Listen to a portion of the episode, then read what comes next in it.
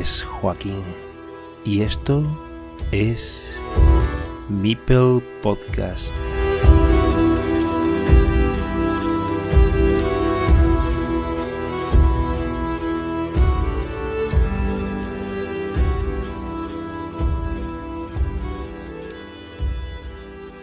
Bienvenidos a todos y a todas a Meeple Podcast. Esta noche nos acompaña Luis Aparicio, miembro de la organización de Carcassonne Spain e impulsor de la liga que lleva su nombre.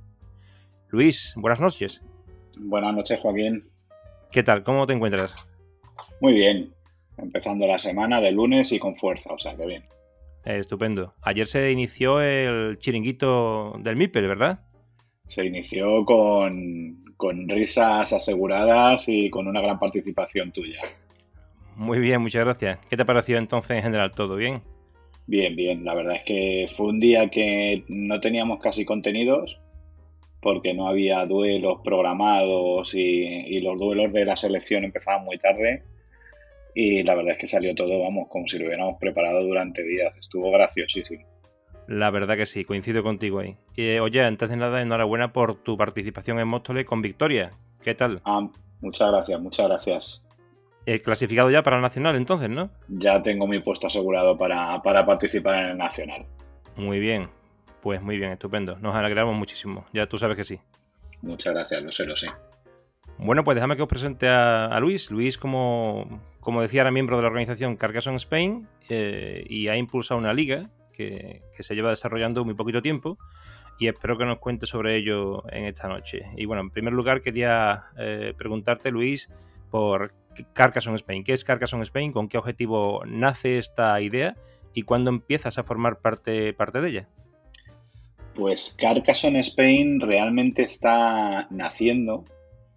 Es algo que yo sé que se lleva gestando desde hace bastante tiempo, pero faltaba algún impulso. Y yo lo conocí a raíz del, europeo, de terminar el europeo, por allí por el mes de... Uf, ¿cuándo fue? En octubre, octubre creo recordar.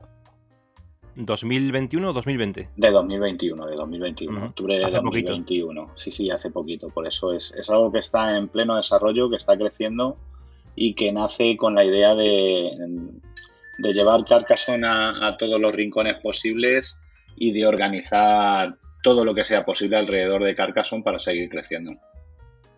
Como una comunidad propiamente, ¿no? Solamente de españoles, supongo, más gente. No, de momento solo de españoles, es Carcassonne Spain, pero extranjeros que, vivan en, España, pues por supuesto.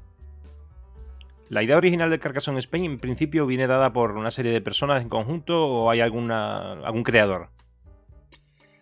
Eh, que yo sepa, las dos cabezas visibles eh, eran sobre todo Íñigo Martínez y, David Escribano, Estroncio. No sé si hay alguien más por detrás que, hubiera nacido la idea antes, pero son las dos, las dos cabezas visibles que he tenido yo de contacto. Bien, bueno, pues entonces supongo que Carcassonne Spain, como, como creadores o organizadores de esta, de esta comunidad nueva, pues habéis, habréis hecho una, una, habéis asentado una base, ¿no? y a partir de aquí pues empezáis a construir, ¿no? En este caso te quería preguntar por algo en lo que tú sí tienes muchísimo que ver, que es en este caso la Liga Carcassonne Spain. Cuéntanos. Pues mira, la liga nace eh, a partir de, mi clasificación para la selección española para jugar el, Europeo de Selecciones online. Eh, yo desconocía, porque empecé a jugar online hace cuando empezó la pandemia llevaba ya, llevo ya seis años y pico jugando, pero jugaba en casa con mi hermana, mi cuñado y con, y con mi pareja, con Alfonso.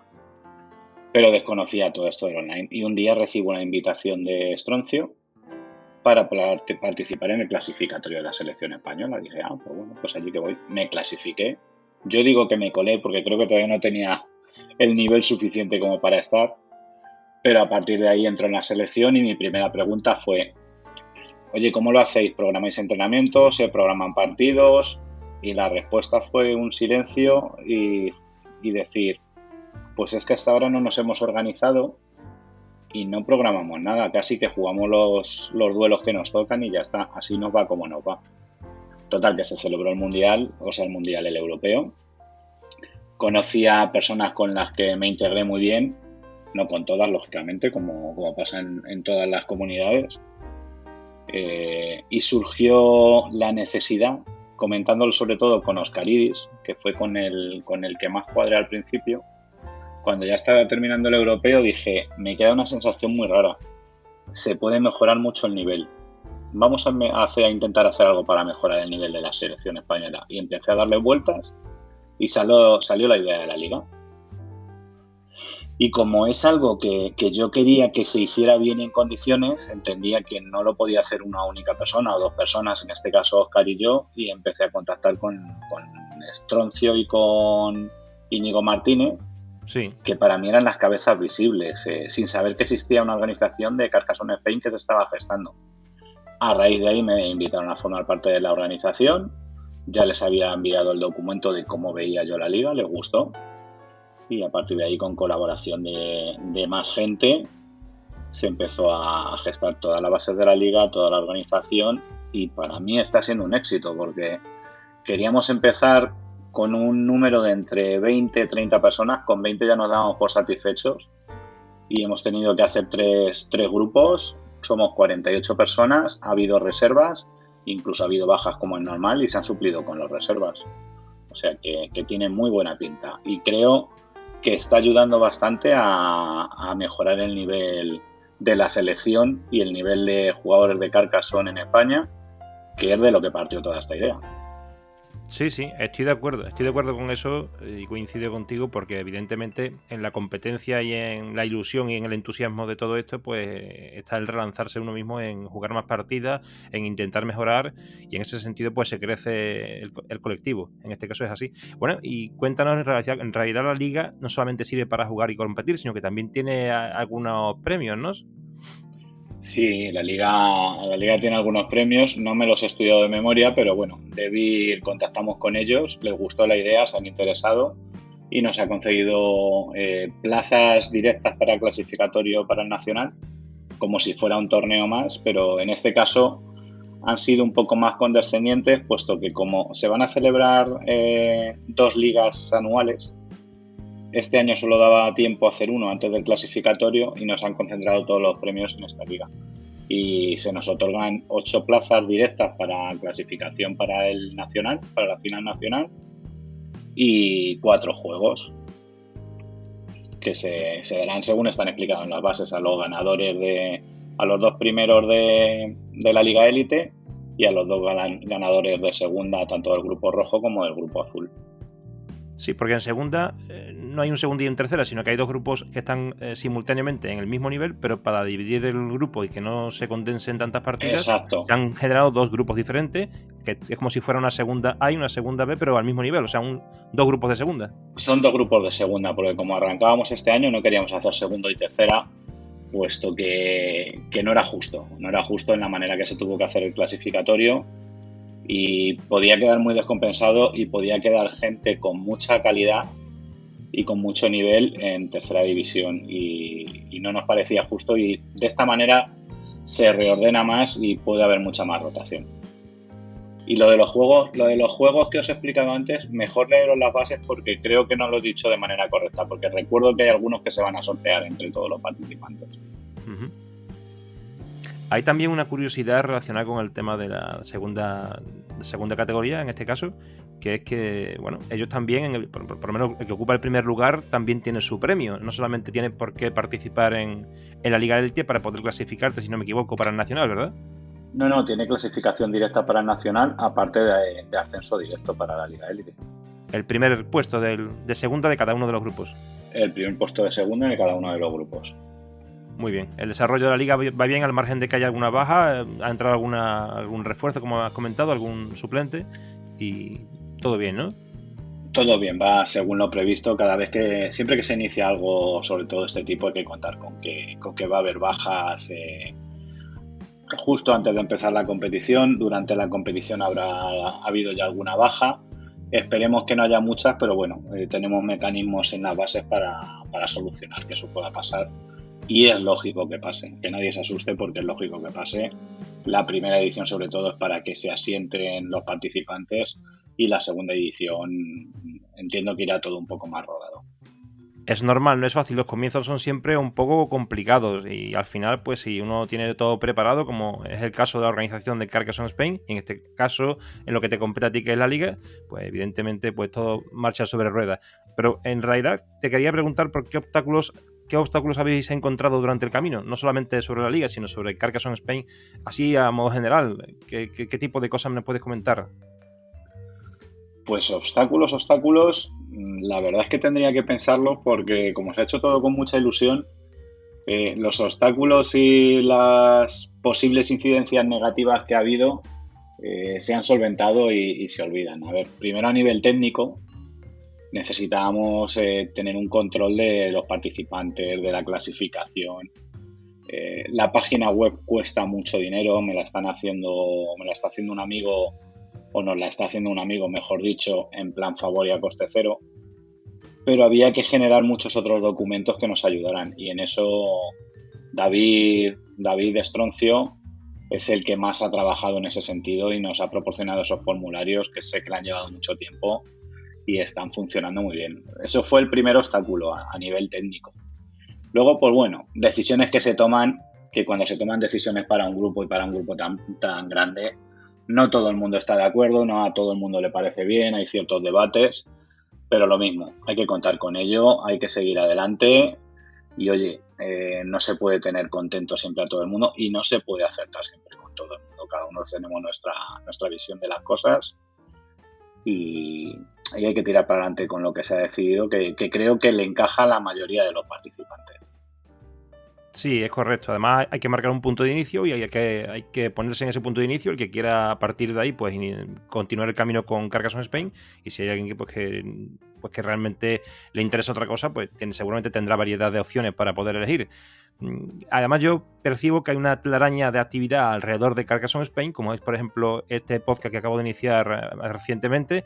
Eh, tenemos también eh, Twitch, en este caso que lo lleva Fran Cartilla tenemos también en la parte técnica de Stroncio que da mucho de sí, la verdad, y eh, tienes aquí el tema de la organización de la liga que lo llevas tú y en general ese punto de componentes alrededor de Carcassonne Spain hace que todo fluya un poquito hacia adelante y entre todos pues sostengan la base de, esta comunidad. Sí, sí, hay, hay, más patas todavía que lo sustentan. Eh, está Andrea con las redes sociales que está haciendo un gran trabajo. Correcto. Y, y la liga, aunque sí que pueda parecer que yo soy la cabeza visible, el referente, pero el, comité de la liga y los que estamos más enfocados en trabajar para la liga somos seis personas que son Oscar Oscaridis, Víctor Ciamat, eh, David Zocanero, David Estroncio, que ya lo he nombrado, y Carlos Mazcán y yo. Entre los seis somos los que hemos tenido reuniones y reuniones y muchas discusiones para sentar las bases porque ni siquiera nosotros estábamos de acuerdo en algunos aspectos pero las decisiones que se toman entre más gente y no parten de una sola cabeza, creo y considero que siempre son más acertadas. Estoy también de acuerdo con eso. Eh, bueno, y en ese sentido, ¿cómo ves el futuro inmediato de Carcassonne Spain? No he referido ya a la liga, sino a la comunidad, a la relación de la organización con los editores de los, de los juegos, ¿no? La creación de una asociación llegado el momento. Pues yo lo veo bien, creo que va por buen camino. Igual, habrá dificultades que, sortear, pues igual que con el comienzo de la liga, con el comienzo de, la asociación, aunque ya ha comenzado, pero se están empezando a sentar las bases. Y la relación con David, por ejemplo, es muy buena porque ya hemos tenido reuniones con ellos, han puesto en contacto con nosotros, nos han lanzado retos y despacito eh, estamos, estamos afrontando esos retos con ganas, con ilusión y no son retos fáciles. Es decir, de todo lo que hemos hablado hasta ahora son temas online, pero no nos podemos olvidar de que lo que nos gusta a los jugadores realmente es el presencial, eh, tocar los setas, charlar, compartir cosas con, los demás compañeros, mirarte a la cara mientras estás jugando. Y en ese sentido eh, ya se ha ayudado a la organización de algunos torneos. Y avancé ayer por Twitch que se va a crear un torneo clausura. Todavía no le tenemos puesto el nombre, pero va a ser como el final de la temporada de clasificatorios, que se lo van a organizar íntegramente Carcassonne Spain y queremos hacer algo, algo especial, algo diferente y ya lo iremos anunciando porque está, eso sí que está recién nacido. Hoy mismo nos ha dado la aprobación débil para hacerlo en las fechas que queremos hacerlo. Muy interesante, sí. Y precisamente por ese carácter eh, presencial, por esa necesidad de compactar el grupo no solamente con, bueno, pues con los mensajes que se desarrollan en Telegram, que ahora te iba a preguntar también por ese grupo, por esa comunidad eh, dentro de los chats, ¿no? Eh, en la realidad que se inicia también en Twitch y se inicia también este podcast y otras cosas que nacerán, pues con la idea de que nos escuchemos la voz, que interactuemos entre nosotros y no solamente se queden las cosas en las palabras escritas o en el, en el proceso online de la participación de la competición que se acaba de, crear, sino que se, se hagan muchas más cosas y nos conozcamos todos al fin y al cabo. Efectivamente, sí, ideas hay bastantes y sobre todo como estamos naciendo y estamos creciendo, somos una comunidad abierta. Lo que queremos es divertirnos, disfrutar, compartir experiencias con la gente, que todos nos, enrique nos enriquezcamos. No sé si lo he dicho bien. Sí, sí. Y, y sobre todo pasárnoslo bien y está creciendo y cosas que están surgiendo que no contábamos con ellas y cosas que surgirán que todavía no tenemos ni en mente ni, ni, contamos con ellas de gente que seguro que puede aportar y todavía no está en la asociación y que nos va a lanzar retos y se van a unir a la asociación y, creemos que va a seguir creciendo. Estoy seguro de ello. Y aunque nos coja un poquito lejos, y yo sé que la relación directa con los editores está más bien orientada a Debir, pero ¿hay algún tipo de, contacto con Hams Ingluk, que sería la editorial original y la que detenta los derechos de Carcassonne? Eh, de momento no. De momento ese, ese contacto se lleva a través de David, puesto que son ellos los que tienen, creo que, la, licencia de poder eh, utilizar sus juegos en, España. Entonces el contacto que hay con, con Hans Ingluk es a través de Devir. De acuerdo. Eh, bueno, quería preguntarte sobre la comunidad, sobre Telegram y todas estas cosas. Hay buen rollo, debate, se genera más trabajo y más implicación. La existencia de este grupo y sus interacciones, ¿cómo, cómo lo ves? Yo creo que en general hay buen rollo, que hay debates, hay buenos debates. Luego hay otros debates que, a uno nos gustan más y nos gustan menos. Pero en general un 90% es eh, diversión, es buen rollo y, es eh, pues gente que se está conociendo y gente a la que casi no, no he puesto cara, les he visto a través de alguna fotografía o alguna videoconferencia, igual que yo le pasa a mucha gente, que son casi amistades y no los conocemos y han venido todos a través de esta comunidad.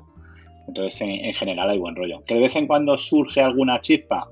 Pues sí, pero es que forma parte de la vida, es algo con lo que con lo que tenemos que contar, con lo que no, no, no nos debemos asustar y que hay que asumir somos gente de, todas partes de España, de diferentes eh, pensamientos de todo tipo y alguna chispa y alguna encontronazo surge. ¿Cómo no va a surgir? Y bueno, y, mucho, mucho cachondeo, porque también se maneja mucho esto en, el Telegram. sí, sí. Cachondeo, pero, pero cachondeo sano, por lo menos los que los que estamos abiertos al buen humor lo, lo entendemos así o lo queremos entender así. La verdad que sí. Eh, se me ha escapado una preguntita que te iba a hacer porque lo estaba pensando así. me has comentado algo de que somos gente de muchos sitios, ¿no? Eh, bueno, no vamos a nombrar aquí personas, pero sí puedes nombrar ciudades. ¿De dónde sabes eh, o de dónde conoces, de dónde viene toda la gente que pertenece a Carcassonne Spain? Por ejemplo, yo soy de Sevilla, tú eres de Madrid, ¿no? Pero ¿qué otras ciudades tienen, tienen personas integrantes de Carcassonne Spain? Pues mira, eh, Santander, Bilbao, La Rioja, Valencia. Y luego el, grupo más nutrido es, es, de Madrid, la gran mayoría. Pero la idea es incorporar a gente por casi todas las regiones de España. Muy interesante. Y también con vistas a lo mejor a después desarrollar cosas de Carcassonne Spain en cada uno de esos sitios, eh, apoyándose en ese tipo de personas que lleven tiempo en la comunidad. Sí, sí, por supuesto. Eh, lo que buscamos es eh, colaboraciones y gente que esté dispuesta a invertir tiempo y que tenga ilusión y ganas de organizar sobre todo torneos presenciales bajo el paraguas de Carcassonne Spain por ese contacto directo que tenemos con los editores y por ese soporte que podemos dar, que estamos creando, tanto de comunidad como de redes sociales, de Telegram, etcétera, etcétera, etcétera. Y bajo ese paraguas, eh, ayudar a, gente que quiera organizar torneos o a sitios que quieran organizar torneos y no sepan cómo hacerlo o cómo difundirlo. Muy bien. Eh, ¿Algo que sirve para unir? ¿Algo que sirve para jugar? algo que ha sido una revolución, sobre todo desde la pandemia. ¿Qué te dicen las siglas BGA? Uf, todo. las siglas BGA a mí me lo dicen todo. Eh, yo, como te he dicho, jugaba a Carcassonne con, sobre todo con mi pareja. Empezamos a jugar con mi hermana y mi cuñado, pero es que es verdad que Alfonso y yo nos empezamos a interesar más, cogimos más nivel y empezaron a darnos un poquito de lado. Y durante la pandemia, Alfonso y yo somos pareja, pero eh, cada uno, yo tengo una hija, ella tiene un hijo, es decir, que tenemos un hijo y medio cada uno. Y ella vive en su casa y yo vivo en la mía. Vivimos en el eterno noviazgo. Pero cuando empezó la pandemia, lógicamente, eh, nos, eh, nos, quedamos separados durante un tiempo. Y lo que más hacíamos los fines de semana era jugar al, al siempre que hayan una o dos partidas. Y ante esa necesidad dije, tiene que haber algo para jugar online encontré la BGA, encontré que además eh, se puede hacer videollamada a la vez que juegas. Y es que a partir de entonces, Alfonso y yo nos comunicamos, en vez de llamar por teléfono, decimos, venga, vamos a echar una partida, conectamos el vídeo online y estamos charlando a la vez que jugamos una partida. Y durante la pandemia no te quiero decir la de horas y horas que estuvimos jugando online. Y para mí fue una, fue una revolución, fue el germen que ha traído todo lo que hay ahora porque si no yo no habría conocido que había una comunidad de gente que estaba tan trastornada como nosotros con el Carcassonne, no habría sabido que, se está organizando una asociación de Carcassonne, ni siquiera sabía que había un nacional organizado por Debbie. O sea que tú imagínate, para mí ha sido la noche y el día, ha sido un cambio que no contaba con él. La verdad que, es muy interesante, sí, todo esto de BGA, la plataforma online que ha desarrollado una serie de personas ahí hace muchísimo tiempo, pero que se ha visto influenciada enormemente por la pandemia porque ha subido como la espuma y hay muchísimas personas alrededor de ellos, sí. Eh, muy potente la comunidad que también soporta muchísimas mm, eh, flecos ¿no? de la de la Borgen Arena en este caso, no solamente los desarrolladores.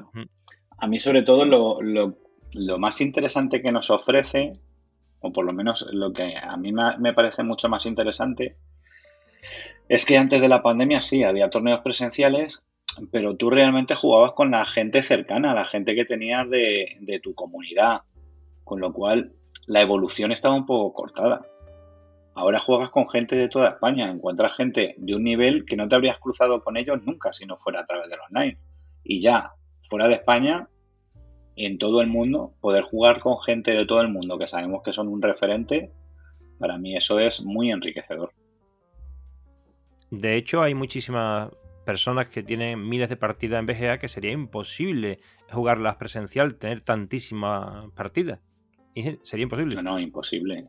Imposible por completo. Yo no me tuve que comprar otro Carcassonne porque llegó un momento que el que teníamos no veíamos casi el dibujo de las losetas. Era tremendo.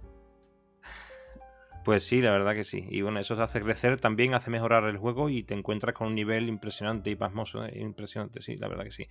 Eh, ¿Qué jugadores destacarías de Carcassonne Spain y en general del, apartado internacional, así por encima? Sin querer menospreciar a nadie, solamente alguien que pues realmente tenga relevancia, ¿no? Mira, de Carcassonne Spain para mí siempre ha sido un referente estroncio, porque eh, yo he jugado mucho en arena y sí le veía siempre muy, muy por arriba, ¿no? El primero prácticamente de toda España. Íñigo Martínez también le veía muy por arriba. Y luego, como coincidí rápidamente con, con Oscar, con Oscaridis y con Valle 13, eh, también se convirtieron en un referente, porque para mí eran referente puesto que tenían un nivel muy superior al mío.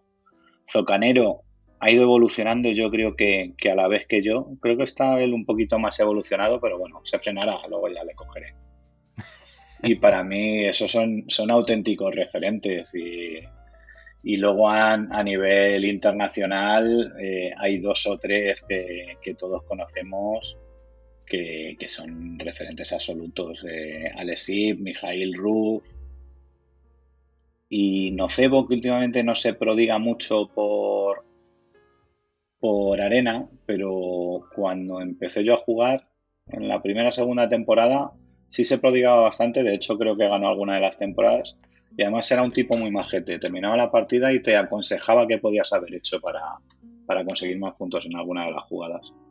Muy interesante, sí, señor. Y luego hay muchísimos otros jugadores que son referentes, pero vamos, nos podríamos tirar medianoche enumerando jugadores. Claro, sí, sí, bueno, es suficiente. bueno, entonces en esa línea, hablando de tu nivel y tal, que nos has tratado de comentar, ¿qué destacarías entre Luis, este Luis, el jugador, y el Luis del que comentábamos al principio sobre la base de la Liga Carcassonne, pues el, el Luis organizador de la liga? ¿Qué diferencias? Uf, diferencias pocas.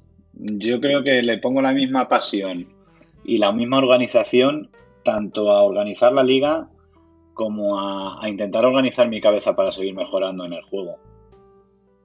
Eh, llevarlo, me gusta llevar las cosas con humor y por eso de ahí también mi, nombre que lo cambié hace poco. Pero diferencias creo que no hay demasiadas. Eh, las ganas de compartir, de crear cosas que sirvan para todo el mundo y de crear cosas que nos permitan evolucionar a todo el mundo y sobre todo divertirnos y tener buen ambiente.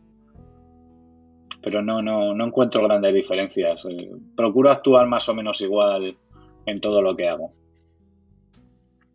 Pues se va acercando el final de la entrevista y no quería eh, dejar atrás la oportunidad que te brindo en este momento pues para poder eh, hablar de alguna cosa que te gustaría añadir o algo que no te haya preguntado. Pues. No sé, no se me viene ahora mismo a la cabeza. No se me viene ahora mismo a la cabeza. Nada. ¿Qué te, parece la iniciativa del podcast sobre Carcassonne? Un podcast como este. Bien, bien. Es, es, otra iniciativa más y bienvenida sea. Todo lo que sea difundir, que la gente nos conozca, que nos conozcamos todos un poco mejor, a mí me parece estupendo. Muchas gracias. Y algo que no me has preguntado, mira, por ejemplo, eh, ¿qué va a pasar con la siguiente edición de la liga? Y lo que quiero transmitir a todo el mundo es que ya se está trabajando, ya había planes en la cabeza antes de arrancar la primera edición y que esto va a tener, va a tener continuidad, queremos que tenga continuidad y va a tener alguna sorpresa.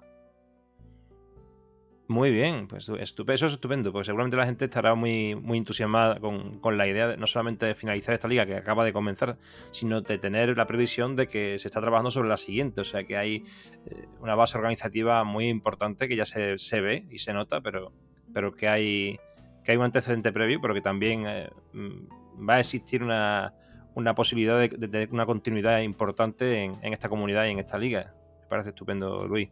Por supuesto, sí, sí. Esto se ha creado, además se ha creado con muy buena base, precisamente para que sea eso, para que no sea. Lo ponemos desde el principio, tanto en las bases como en las comunicaciones. No queremos que esto sea un torneo más, no queremos que sea algo que ya se conoce y todo se está gestando y todo, todas las bases se están sentando para que esto sea algo duradero y que sea un, una liga, que no sea un torneo, que sea una liga y que sea un referente a nivel nacional. Bueno, piensa ahora. Mm, esto lo tengo que leer un poco porque lo he preparado. Eh, te voy a poner una situación. Te voy a poner una situación y, bueno, a ver cómo sales de ella, ¿no? Eh, piensa que te está escuchando un oyente de nuestra nacionalidad que no sabe o que no conoce qué es Carcassonne. Otro que ya lo conoce e incluso tiene el juego físico, pero no sabe lo que es la plataforma BGA. Y un último oyente que sí que juega en BGA, por tanto es conocedor de Carcassonne y también puede que tenga o no el juego físico, pero mm, ya está en la plataforma, pero no conoce Carcassonne Spain. Al margen de que se pudiera invitar a cada uno de ellos a subir un peldaño en su carrera hacia convertirse en carcasonero o carcasonera, eh, y jugador o jugador de la liga, ¿a quién crees que es más difícil de convencer para hacerlo subir al siguiente nivel? ¿Al novato? ¿Al jugador offline? o al carcasonero que está a las puertas de nuestra comunidad? ¿Y qué recursos usaría para convencerlo? Más que difícil, eh, el que más tiempo llevaría sería el que no conoce Carcassonne.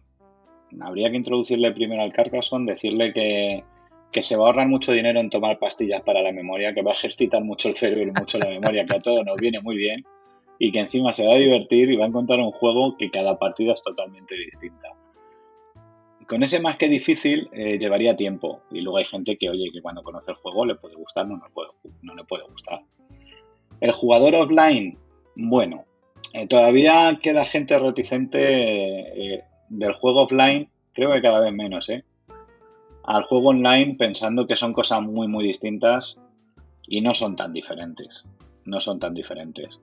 Y creo que esos son fáciles de convencer porque una vez que lo prueban, hay veces que les ves que son reticentes a reconocerlo, pero por dentro lo están reconociendo que, les abren unas puertas y unas posibilidades que antes no tenían. Tiene mucho potencial, sí, el, la BGA, sí. Y creo que ese sería bastante fácil de, convencer. Y el otro es el jugador que ya conoce BGA, que es experimentado y, que no forma parte de la liga. ¿O pues seguramente, ni de la comunidad. Seguramente no forme parte de la liga ni de la comunidad porque lo desconoce o porque nadie le ha dicho nada o porque no se ha enterado de que hay. Si es así, es el más fácil de convencer. Si es por otras eh, frenos que tenga, que no quieren más allá, que esté a gusto jugando como juega y, no quiere meterse en más jaleos, pues oye, cada uno es muy libre de decidir lo que tiene que decidir. Y si ese es el caso, sería muy difícil de convencer. Muy bien, pues sí, pues es correcto, sí, sí, lo veo también igual que tú. Pues te voy a hacer unas preguntas fáciles y rápidas, de esas que son respuestas cortas y así rápidamente. ¿Tu nick en BGA? Locu Elo, todo junto sería Locuelo. ¿Tu loseta favorita? Pues me lo dijiste y la he tenido que pensar porque no tenía pensado yo una loseta favorita. Quizá de las que más me gustan cuando salen en el momento justo es el divorcio. el divorcio. Bueno, está el divorcio y el tuborcio, ¿no? El divorcio y el tuborcio, sí, pero a mí me gusta más el divorcio. Además, solo hay dos, el tuborcio hay tres, con lo cual ya pierde un poco de exclusividad. Vale, sí, sí, lo que sería ciudad-ciudad, campo-campo, ¿no? Exacto. Eh, si te dieran a elegir, ¿qué expansión preferirías de, de Carcassonne? Pues he jugado muchísimo tiempo con constructores y comerciantes. Eh, creo que es de las que más me gustan. Bueno, y luego la mini expansión El Río, que no añade demasiadas losetas, pero cambia mucho el juego y también me gusta. Esta pregunta podría tener una respuesta larga, pero mm, de todas maneras te la hago, y si la puedes resumir, ¿cómo has mejorado tu nivel en Carcassonne uno contra uno? Pues mira, he mejorado mi nivel a raíz de conocer Arena en la BGA, eh, que empecé a jugar partidas y dije, ¿esta gente se conoce las losetas? pues tengo que dar un cambio de nivel. Empecé a conocer las losetas, a estudiarlas, a memorizarlas y ahí ya cambié un poco mi nivel. Pero el gran cambio fue cuando, cuando sigo diciendo que me colé en la selección, en la selección nacional. Eh, para mí ese fue el gran cambio, porque yo hasta ahora jugaba para mí, pero yo soy persona de equipo y soy muy responsable. Y cuando dije, uff, ahora tengo que representar a otros compañeros y tengo que representar a otra gente. Ahí sí que empecé a empaparme mucho más, a estudiar mucho más el juego y creo que a raíz de entrar en la selección fue cuando, cuando pegué esta evolución en la que estoy ahora mismo, que todavía me queda mucho, pero, pero creo que eso me vino muy bien a mí y espero que a la selección a la larga le haya venido muy bien que yo me colara en ese momento en la selección.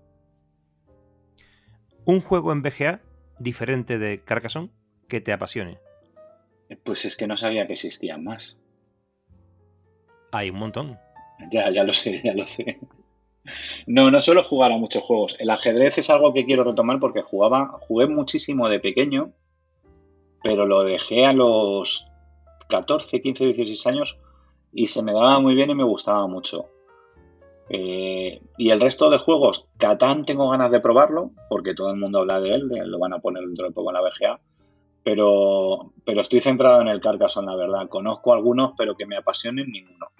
Y procuro no, no mirar muchos porque mira lo que me ha pasado con Carcassonne y, soy igual de intenso con otras cosas que me gusten y si ya meto más cosas así en mi vida tendría que plantearme dejar el trabajo y hoy por hoy no me lo puedo plantear todavía, por suerte.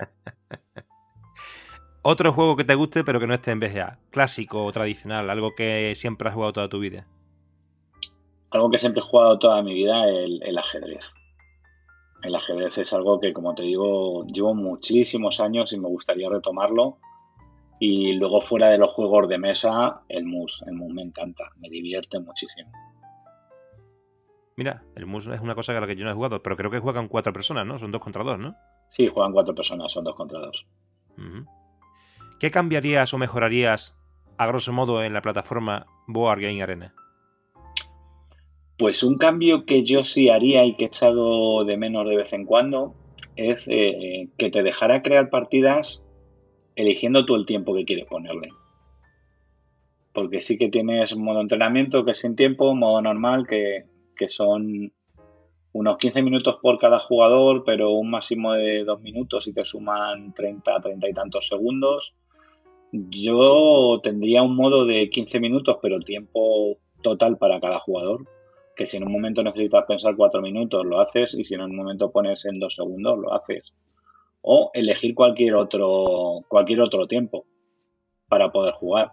Hay quien, quien le gusta experimentar con partidas muy, muy rápidas y se podría hacer algún experimento.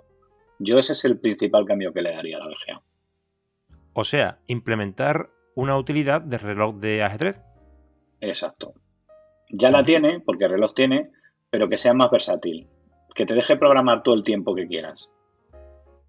Sí, pero está establecido en unos. en, varios eh, modelos nada más. No, no tiene la posibilidad de ajustarlo eh, a tu, a tu propio criterio.